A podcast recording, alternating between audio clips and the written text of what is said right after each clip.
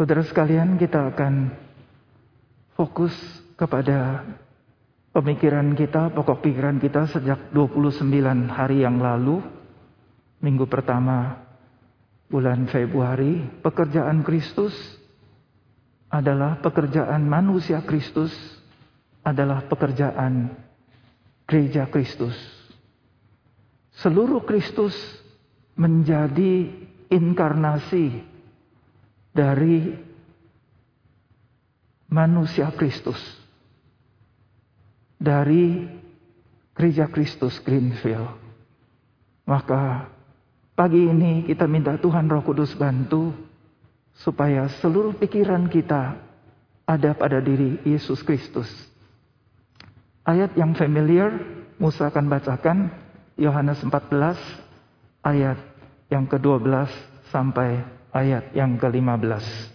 Aku berkata kepadamu, sesungguhnya barang siapa percaya kepadaku, ia akan melakukan juga pekerjaan-pekerjaan yang aku lakukan. Bahkan pekerjaan-pekerjaan yang lebih besar daripada itu. Sebab aku pergi kepada Bapa. Dan apa juga yang kamu minta dalam namaku, aku akan melakukannya supaya Bapa dipermuliakan di dalam anak. Jika kamu meminta sesuatu kepadaku dalam namaku, aku akan melakukannya. Jikalau kamu mengasihi aku, kamu akan menuruti segala perintahku. Lima hari yang lalu, saudara sekalian, kita sudah memulai perjalanan 40 hari menepaki jejak Tuhan Yesus. Sudah melakukan di 2000 tahun yang lalu bagaimana dia taat sepenuhnya kepada kehendak Bapa.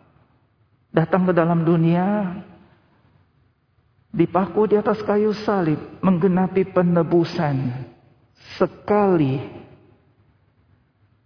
untuk selamanya seumur hidup kekal untuk setiap orang yang percaya di segala abad dan di segala tempat seperti yang kita imani di dalam pengakuan iman rasuli. Pagi ini saudara sekalian musuh bersama-sama dengan seluruh jemaat belajar seperti Paulus dalam hati punya kerinduan ingin sekali menyelami hati Tuhan. Memang ini sudah menjadi sejarah 2000 tahun yang lalu. Tetapi iman kita, perjalanan kerohanian kita sekarang ini real. Maka di dalam kita mengulangi perjalanan Yesus Kristus menuju ke salib 40 hari ke depan. Kita sama-sama dengan rendah hati minta Tuhan tolong kita. Saudara sekalian, bagian ini menjadi bagian kunci daripada kerohanian kita. Tanpa kita menyelami dan mengerti hati Tuhan, sampai bagaimana Dia taat datang ke dalam dunia dipaku di atas kayu salib. Saudara sekalian, iman kita tidak akan kuat dan bertumbuh. Dengan rendah hati kita mohon Tuhan Roh Kudus bantu kita dan memandu kita. Paulus dengan passion dan hati yang sangat mencintai Tuhan. Dia tuliskan kata-kata seperti ini saudara sekalian. Pasal 3 ayat 8, 9, 10. Konsentrasi di ayat yang ke-10. Mulai dari ayat 7. Pasal 3 i Filipi. Tetapi apa yang dahulu merupakan keuntungan bagiku, sekarang ku anggap rugi karena Kristus. Malahan segala sesuatu kuanggap rugi karena pengenalan akan Kristus Yesus Tuhanku. Lebih mulia daripada semuanya. Oleh karena dialah aku telah melepaskan semuanya itu dan menganggapnya sampah. Supaya aku memperoleh Kristus dan berada dalam dia bukan dengan kebenaranku sendiri karena mentaati hukum Taurat melainkan dengan kebenaran karena kepercayaan kepada Kristus, yaitu kebenaran yang Allah anugerahkan berdasarkan kepercayaan yang ku kehendaki ialah mengenal dia dan kuasa kebangkitannya dan persekutuan dalam penderitaannya di mana aku menjadi serupa dengan dia dalam kematiannya supaya aku akhirnya beroleh kebangkitan dari antara orang mati. Saudara sekalian ini jadi bagian yang sentral atau yang paling penting daripada iman Paulus. Yaitu Yesus Kristus dan salibnya. Maka kita belajar dari Paulus mengambil bagian ini juga selama 40 hari ke depan saudara sekalian. Hari Rabu malam Musa sharingkan kepada jemaat supaya kita ambil waktu setiap hari 40 hari ini untuk apa saudara sekalian? Untuk bersekutu dengan Tuhan. Berdoa kepada Tuhan Yesus dan belajar firman-Nya bagian-bagian yang berhubungan dengan tekad Tuhan Yesus untuk taat kepada kehendak Bapa menuju ke Yerusalem dan kemudian dipaku di atas kayu salib. Yohanes bagian yang sangat kaya karena dia adalah seorang murid Tuhan Yesus yang sangat mengerti hati Tuhan sehingga tulisan-tulisannya itu menggerakkan hati dan mengekspresikan isi hati Tuhan yang sesungguhnya. Saudara boleh mulai baca pasal 13, 14, 15, 16, 17, 18, 19, 20, 21 bagian-bagian itu dan ditambah dengan beberapa ayat atau pasal-pasal yang penting saudara sekalian. Maka Paulus mengatakan yang ku kehendaki. Apa yang dikehendaki saudara sekalian? Karena dia menghendaki ini sehingga dia yang dulu dianggapnya semua mendatangkan keuntungan. Semua sekarang menjadi sesuatu yang merugikan. Kenapa? Dibanding dengan tekadnya panggilannya, kesungguhannya untuk mengenal Kristus. Saudara sekalian mengenal Kristus menjadi titik awal permulaan kamu dan saya menjadi Kristen, menjadi anak Tuhan, ikut Yesus. Di bagian ini ditandai diberikan tanda mark bahwa kamu punya kehidupan sudah baru yang lama sudah berlalu, saudara sekalian. Yaitu waktu kamu berjumpa dengan Yesus Kristus, mengenal Yesus Kristus, menerima Yesus Kristus sebagai Tuhan dan Juru Selamat. Tetapi ini baru permulaan, saudara sekalian. Iman Kristen progresif. Maka dari hari itu, waktu Paulus ketemu dengan Tuhan Yesus di perjalanan menuju ke Damsik, di dalam sinar yang mulia dan dialog kata-kata yang begitu jelas Paulus dengar. Maka sejak hari itu dia set dia punya goal. Set dia punya arah dan tujuan. Dia mau ikut Yesus dan mengenal Yesus seumur hidup. Apa pun saudara sekalian. Sehingga dia berani meninggalkan semuanya, segala-galanya. Dan sepenuh hati dan ini adalah bagian yang sangat penting saudara sekalian. Mengenal Kristus. Mengenal Kristus, mengenal apanya saudara sekalian? Mengenal kuasa kebangkitannya. Kebangkitan menjadi satu tanda bahwa Kristus menang. Menang atas dosa, menang atas maut, menang atas kuasa gelap setan dan segala anasirnya. Itu yang dinubuatkan pasal 3 ayat 15. Kitab kejadian sekarang sudah menjadi kenyataan dan Paulus ada di dalamnya saudara sekalian.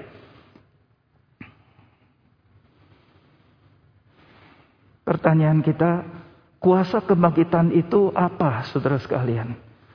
Siapa yang membangkitkan Yesus Kristus?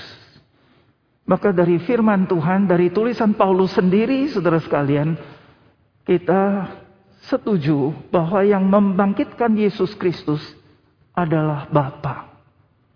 Bapa yang membangkitkan Yesus Kristus.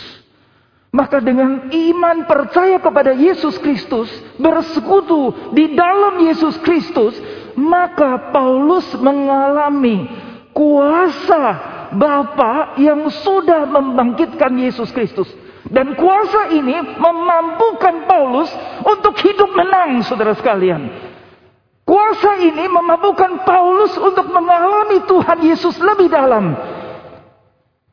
Jadi bukan hanya satu teori yang ada di dalam hidup, di dalam hatinya bahwa Kristus ada di dalam aku.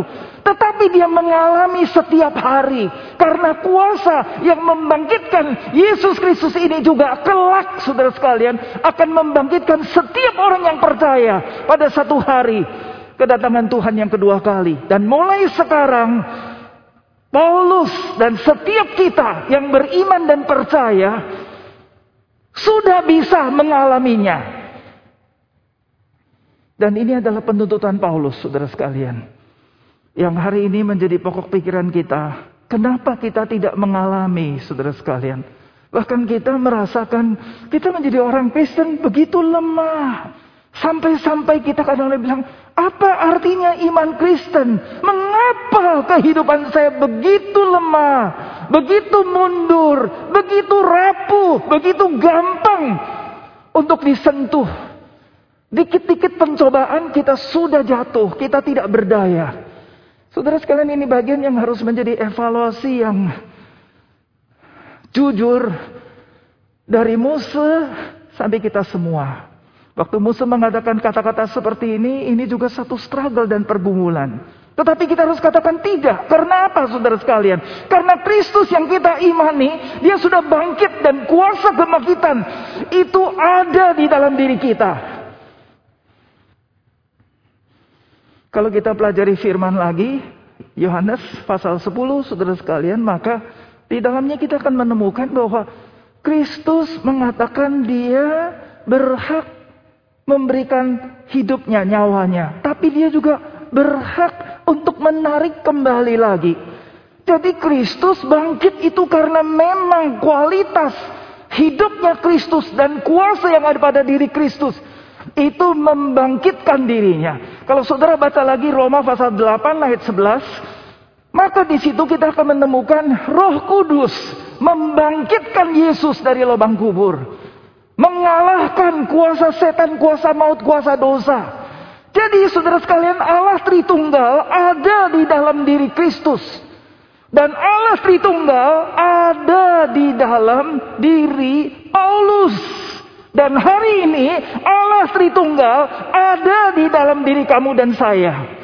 Maka saudara sekalian, kemungkinan untuk hidup menang sudah pasti.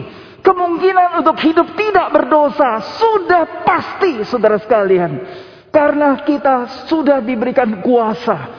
Kuasa yang membangkitkan Yesus Kristus, kuasa yang mengalahkan dosa, kuasa yang mengalahkan setan, kuasa yang mengalahkan maut, kuasa yang mengalahkan semuanya bersemayam di dalam diri kita.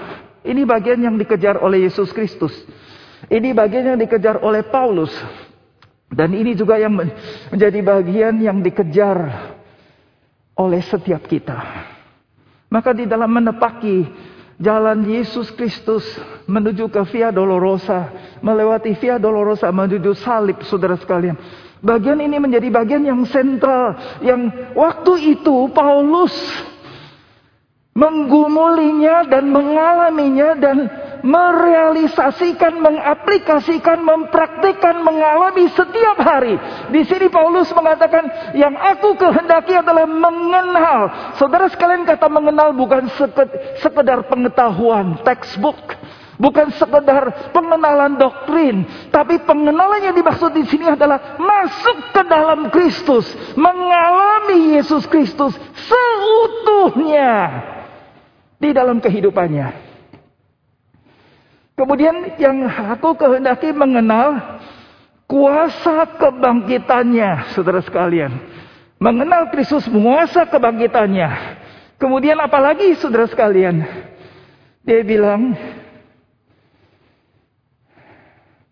persekutuan dengan penderitaannya.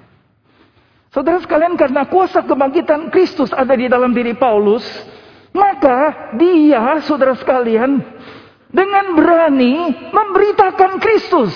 Karena Kristus adalah satu-satunya jalan dan kebenaran dan hidup. Tidak ada jalan yang lain. Maka dia berani memberitakan. Bahkan saudara sekalian apply firman yang tadi kita baca di permulaan. Tuhan Yesus berkata dengan sesungguhnya aku berkata kepadamu. Setiap orang yang percaya harus mengerjakan pekerjaan-pekerjaan yang aku kerjakan. Jadi Paulus saudara sekalian dia sangat mengerti hati Tuhan, maka dia dengan berani mengerjakan semua yang dikerjakan oleh Yesus Kristus. Dia lakukan, dia kerjakan. Maka resikonya, saudara sekalian, saya pakai kata resiko. Paulus menanggung penderitaan yang ditanggung oleh Yesus Kristus. Terakhir ini saya sering atau sedang menekuni Injil Yohanes. Di situ Tuhan Yesus bilang kalau dunia membenci kamu, kamu tahu sebelum dunia membenci kamu sudah membenci aku. Jadi semua yang, yang dihadapi atau yang dialami oleh Yesus Kristus dialami oleh orang-orang yang percaya, dialami oleh Paulus, maka dia katakan aku ingin sekali mengenal Kristus. Bersekutu dengan penderitaannya.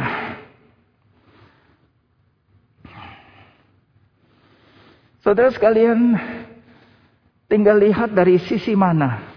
Paulus melihat menderita bagi Kristus adalah satu kehormatan, adalah satu panggilan, adalah satu kemuliaan, ada satu kebanggaan. Hari Rabu malam kita sama-sama belajar satu ayat saudara sekalian. Pasal 1 ayat 24. Kolose. Di situ Paulus mengatakan apa? Aku ingin sekali di dalam dagingku menebus, menggenapi pengorbanan-pengorbanan kesengsaraan penderitaan Kristus untuk gerejanya jadi Yesus Kristus datang menderita untuk gerejanya saudara sekalian. Paulus bilang dia ingin ikut berbagian. Di sini tidak berarti pengorbanan Kristus di atas kayu salib masih ada kurang. Sehingga Paulus harus nutupin. Bukan. Di sini bukan berarti bahwa ada satu jumlah hitungan penderitaan yang harus dibayar oleh setiap murid setiap orang percaya yang ikut Yesus, bukan saudara sekalian. Tetapi di sini pengertiannya adalah Paulus ingin sekali apa yang Yesus alami, penderitaan yang dia tanggung untuk gerejanya, Paulus juga ikut bersama di dalam. Kalau gereja dan Yesus Kristus satu adanya, maka penderitaan Yesus adalah penderitaan gerejanya. Maka penderitaan gerejanya adalah penderitaan Kristus. Dan Kristus ada di dalam gerejanya. Waktu Kristus menderita, gerejanya juga ada di dalam. Waktu gereja menderita karena nama Kristus, Kristus juga ada di dalam, saudara sekalian. Maka Paulus rindu sekali, passionately, dia ingin mengalami berbagian di dalam penderitaannya. Yesus Kristus menderita secara fisik, secara mental, secara rohani. Secara fisik penderitaannya sepanjang jalan. Saudara sekalian, secara mental dia ada penolakan dan sebagainya, bahkan dihianati oleh muridnya, disangkal oleh orang-orang yang sudah diselamatkan dan oleh Bapa dia ditinggalkan oleh Bapak, saudara sekalian. Maka dia bilang, Ya Allahku, Ya Allahku, mengapa, mengapa engkau meninggalkan aku? Saudara sekalian ini penderitaan Yesus Kristus yang dialami. Paulus ingin sekali mengalaminya. Dan di sini selanjutnya yang keempat saudara sekalian dibilang. Paulus ingin menjadi serupa dengan dia dalam kematiannya. Bagaimana mengerti bagian ini, saudara sekalian? Mungkin ada dua yang mesti mengerti. Satu sisi betul-betul mati, saudara sekalian. Karena Yesus Kristus akhirnya dipaku, disalib. Makanya Petrus menurut catatan yang kita sangat bisa percaya, Petrus waktu dia ditangkap terakhir memang sudah dinubuatkan pasal 21 Yohanes. Petrus minta disalib dengan terbalik, kepala di bawah, kaki di atas. Dan murid-murid, saudara sekalian, karena Injil Yesus Kristus, satu persatu mati syahid. Beberapa saat yang lalu saya suka menerima video atau menerima uh, film, saudara sekalian, yang menggambarkan anak-anak Tuhan di Timur Tengah yang dipenggal, saudara sekalian, mengerikan bukan main. Itu Kepala muka ditutupi kemudian dengan ganas, dengan sadis dipenggal kepalanya. Yakobus, murid Yesus yang pertama, saudaranya Yohanes, saudara sekalian, di kisah Rasul diceritakan dia dipenggal kepalanya. Dan selanjutnya dan selanjutnya semua murid-murid, rasul-rasul satu-satu. Kenapa? Karena Yesus Kristus. Jadi kalau dibilang serupa dengan dia di dalam kematiannya, saya menerimanya sama persis seperti yang dialami oleh Yesus Kristus. Menyerupai Yesus Kristus. Serupa persis. Kata serupa ini saudara sekalian juga dipakai di dalam Roma pasal 8 ayat 29. Bahwa sejak mula kita sudah dipilih tujuannya untuk dibentuk dengan cetakan Yesus Kristus. Dengan cetakan Yesus Kristus berarti orang-orang manusia Kristus sama persis dengan Kristus sendiri. Jadi yang dialami kematiannya Yesus Kristus juga menjadi bagian daripada setiap orang yang percaya. Karena Tuhan bilang apa yang aku lakukan, engkau juga akan melakukan. Bahkan pekerjaan yang lebih besar. Bagian ini ada di dalam. Bagian yang lain Tuhan Yesus bilang kalau kamu mau ikut aku, kamu harus menyangkal dirimu, pikul salibmu dan ikut aku. Jadi mungkin menyerupai kematian Kristus di dalam arti kata menyangkal diri.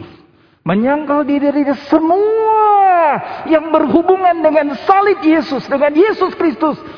Karena kamu mau setia ikut Tuhan, maka ini menjadi bentuk kematian-kematian yang dikatakan Paulus. Maka ada satu ayat yang Paulus bilang, bagi dunia aku sudah mati, bagi aku dunia sudah mati.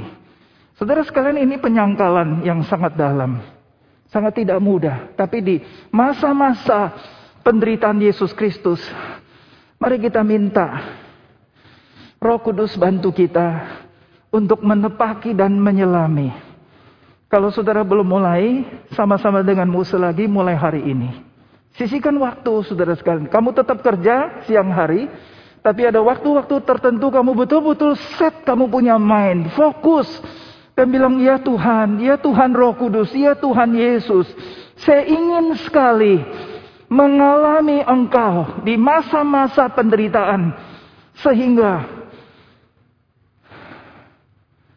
kita boleh mengenal Kristus lebih dalam. Mengenal kuasa kebangkitannya. Bersekutu di dalam penderitaan, berbagian di dalam penderitaan, bahkan serupa dengan kematiannya. Aplikasi, saudara sekalian, sebentar perjamuan kudus. Minggu lalu, bulan lalu kita pernah ngomong aplikasinya nomor satu, kamu harus percaya firman ini dikatakan oleh Tuhan Yesus untuk saya. Kamu harus percaya. Pasal 14 ayat 12, 13, 14, 15 Yohanes yang tadi kita baca pada permulaan. Saudara harus sungguh-sungguh percaya dulu itu untuk saya. Yang kedua, saudara harus berani memilih. Apa yang saudara memilih? Yaitu memilih hidup suci. Hidup suci adalah pilihan. Di satu sisi, kita sudah ditebus, diberikan hidup yang baru, berkualitas seperti Yesus Kristus dan Roh Kudus, maka kita punya kemampuan, kuasa ilahi untuk hidup suci.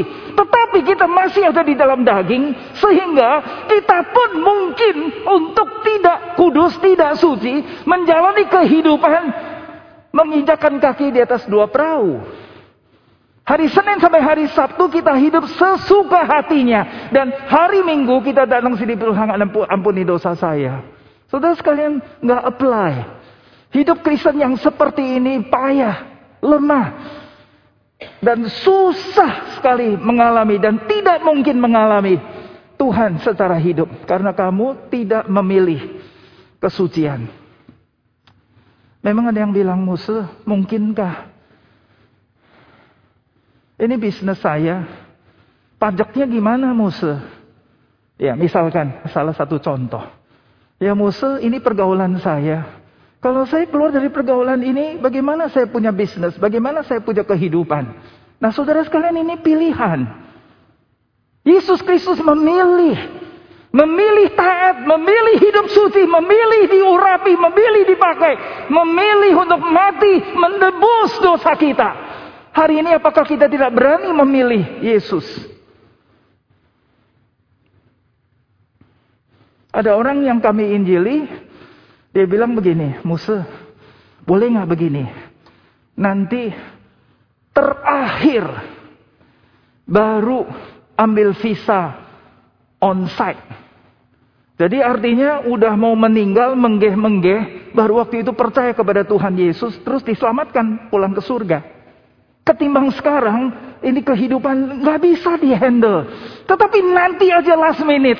Saudara sekalian, kita nggak tahu kapan kita pergi. Kalau kita terus hidup di dua alam yang seperti ini, saudara sekalian, kuasa kebangkitan Yesus Kristus, persekutuan dengan penderitaannya, mengambil rupa sama dengan dia di dalam kematiannya, tidak mungkin terjadi dan hidup kita tidak akan efektif. Yang ketiga, saudara sekalian, Yesus Kristus datang. Pasal 16 ayat 18 19. Yesus Kristus bilang, "Kamu Petrus, di atas batu karang ini akan kubangun gerejaku, jemaatku." Kalau saudara belajar firman, saudara sekalian, maka Yesus datang membangun, memanggil, membina murid-murid, ujungnya adalah membangun gereja. Sampai terakhir waktu Tuhan Yesus naik ke surga, kisah Rasul menunjukkan ada 120 murid-murid dan rasul-rasul. Dan dari situ gereja yang baru dimulai. Roh Kudus bekerja dengan heran, ada 3000 orang, besoknya ada 5000 orang, kemudian besoknya lagi tidak bisa diukur lagi karena terlalu banyak. Nah saudara sekalian apa artinya? Kalau Tuhan Yesus datang memanggil atau membangun gereja, kamu dan saya hari ini di gereja Greenfield juga dipanggil untuk membangun gereja. Saudara sekalian ingat baik-baik. Yesus Kristus dipaku di atas kayu salib untuk membangun gereja. Bukan untuk memecahkan gereja. Maka kalau saya melakukan sesuatu yang memecahkan gereja. Bagaimana saya bertanggung jawab sama Tuhan Yesus yang mati di salib. Mempersatukan gereja, membangun gereja. Jadi kita membangun gereja nih saudara sekalian.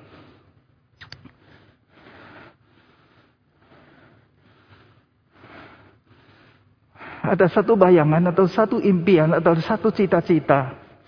Saudara sekalian kita semua adalah gereja. Setiap orang adalah gereja. Maka kita yang sudah mempunyai Yesus Kristus dan Roh Kudus. Kita yang sudah ditebus dengan darah Yesus Kristus. Kita yang sudah mengenal Kristus. Kita yang sudah mengenal kuasa kebangkitannya, mengalami kuasa kebangkitannya, maka dengan berani kita memberitakan Yesus Kristus karena Yesus Kristus satu-satunya jalan untuk keselamatan. Sekalipun kita harus bersekutu di dalam penderitaannya dan mengambil rupa sama dengan dia di dalam kematiannya, itu pun patut dan harus saudara sekalian. Maka gimana saudara sekalian? Secara pribadi, Tiap orang Kristen.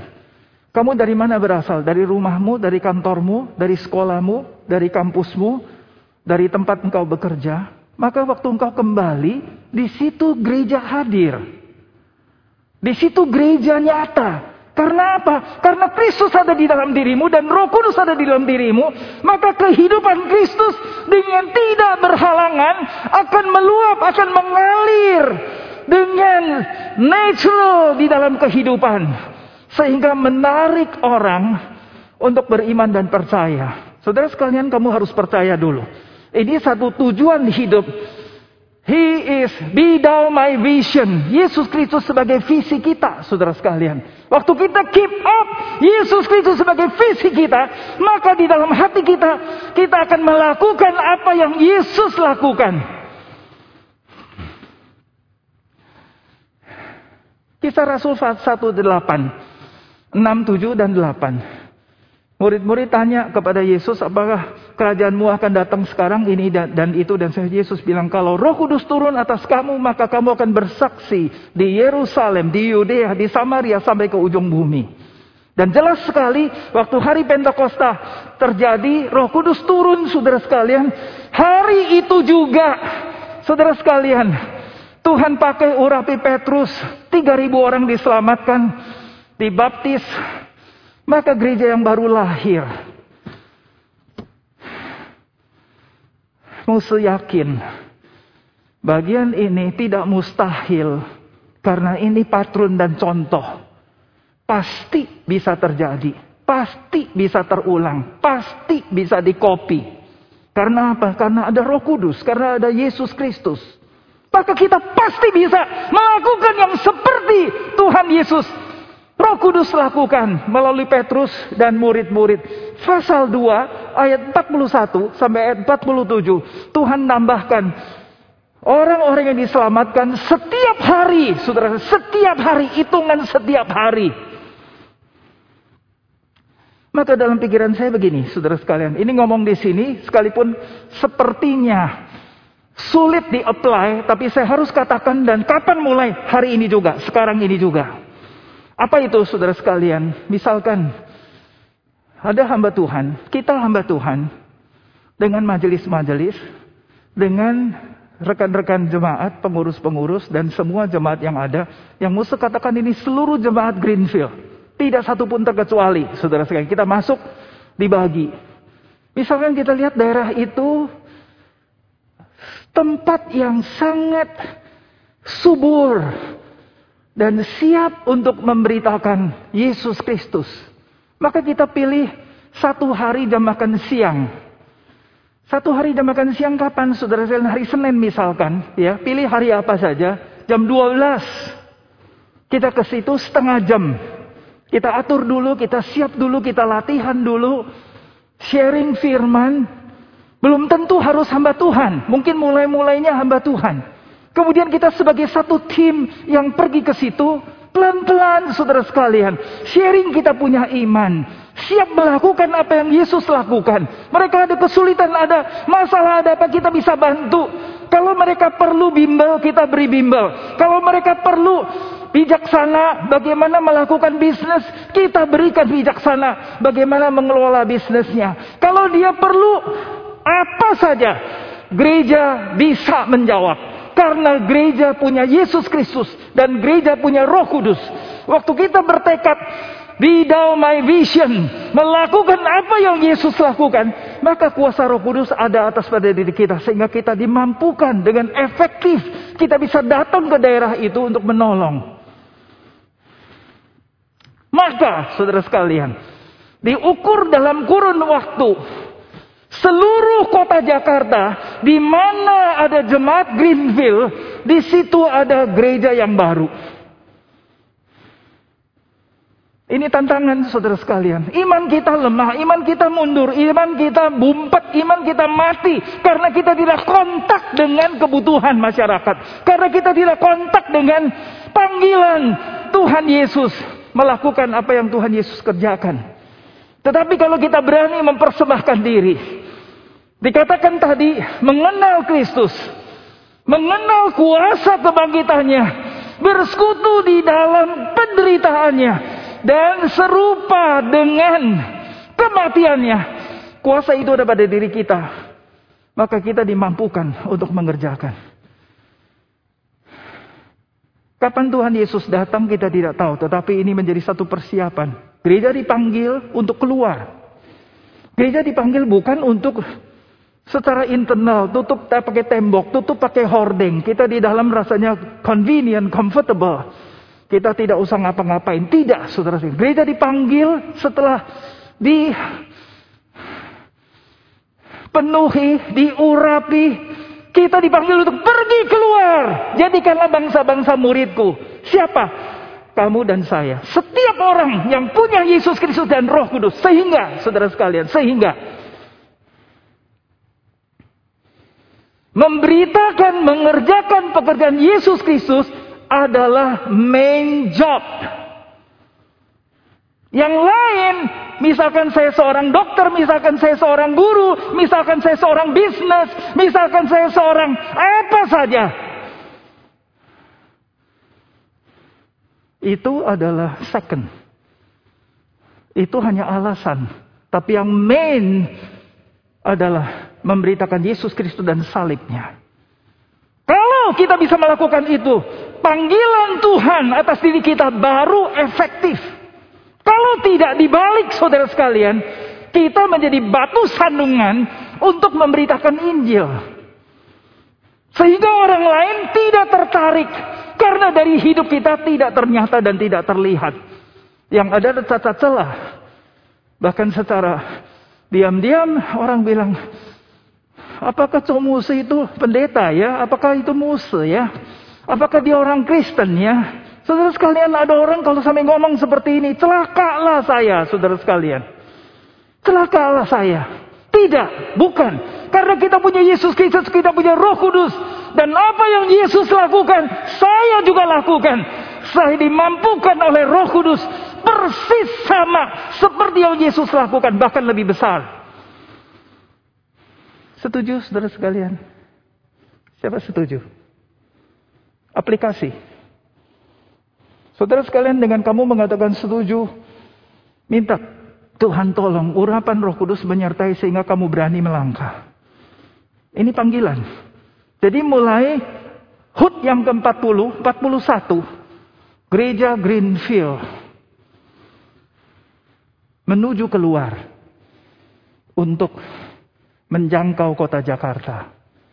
Tidak dengan paksa, tapi dengan mensharingkan hidup memanifestasikan kehidupan Kristus di dalam kesehari-harian. Jadi kamu mungkin pilih hari Senin.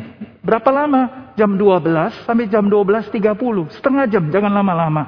Sehingga dia kalau harus makan siang atau kembali kepada kerja, jam 12.30 tok selesai, dia bisa balik makan siang. Kemudian jam 1 sudah balik di posisi dia kerja. Sehingga kita datang tidak mengganggu. Saudara pilih, waktunya cocok di siang hari atau cocok di malam hari. Waktunya jangan lama-lama, tapi yang penting isinya ada cinta kasih. Ada firman, ada Yesus Kristus. Maka ke mana saja engkau pergi, hidup akan berubah. Saya bersyukur sekali dipanggil untuk melayani di Greenfield. Saya punya kapasitas dan punya kesempatan yang seluas-luasnya, sebebas-bebasnya untuk kontak dengan jemaat, untuk kontak dengan orang yang bukan jemaat, dan untuk mengucapkan, mensaksikan Yesus Kristus. Saudara sekalian, waktu kita melihat orang itu percaya dan menerima Yesus Kristus, hidupnya dirubah. Saudara sekalian, orang yang sudah hampir mati kemudian bangun lagi saudara sekalian. Itu apa? Kuasa kebangkitan Yesus Kristus. Itu apa? Itu adalah pengenalan kepada Kristus artinya kita mengalami Yesus Kristus. Dan saudara sekalian bersekutu dengan penderitaannya. Dan mengambil rupa sama seperti dia dalam kematiannya. Apakah kita rindu Mari siapkan hati, kita perjamuan kudus.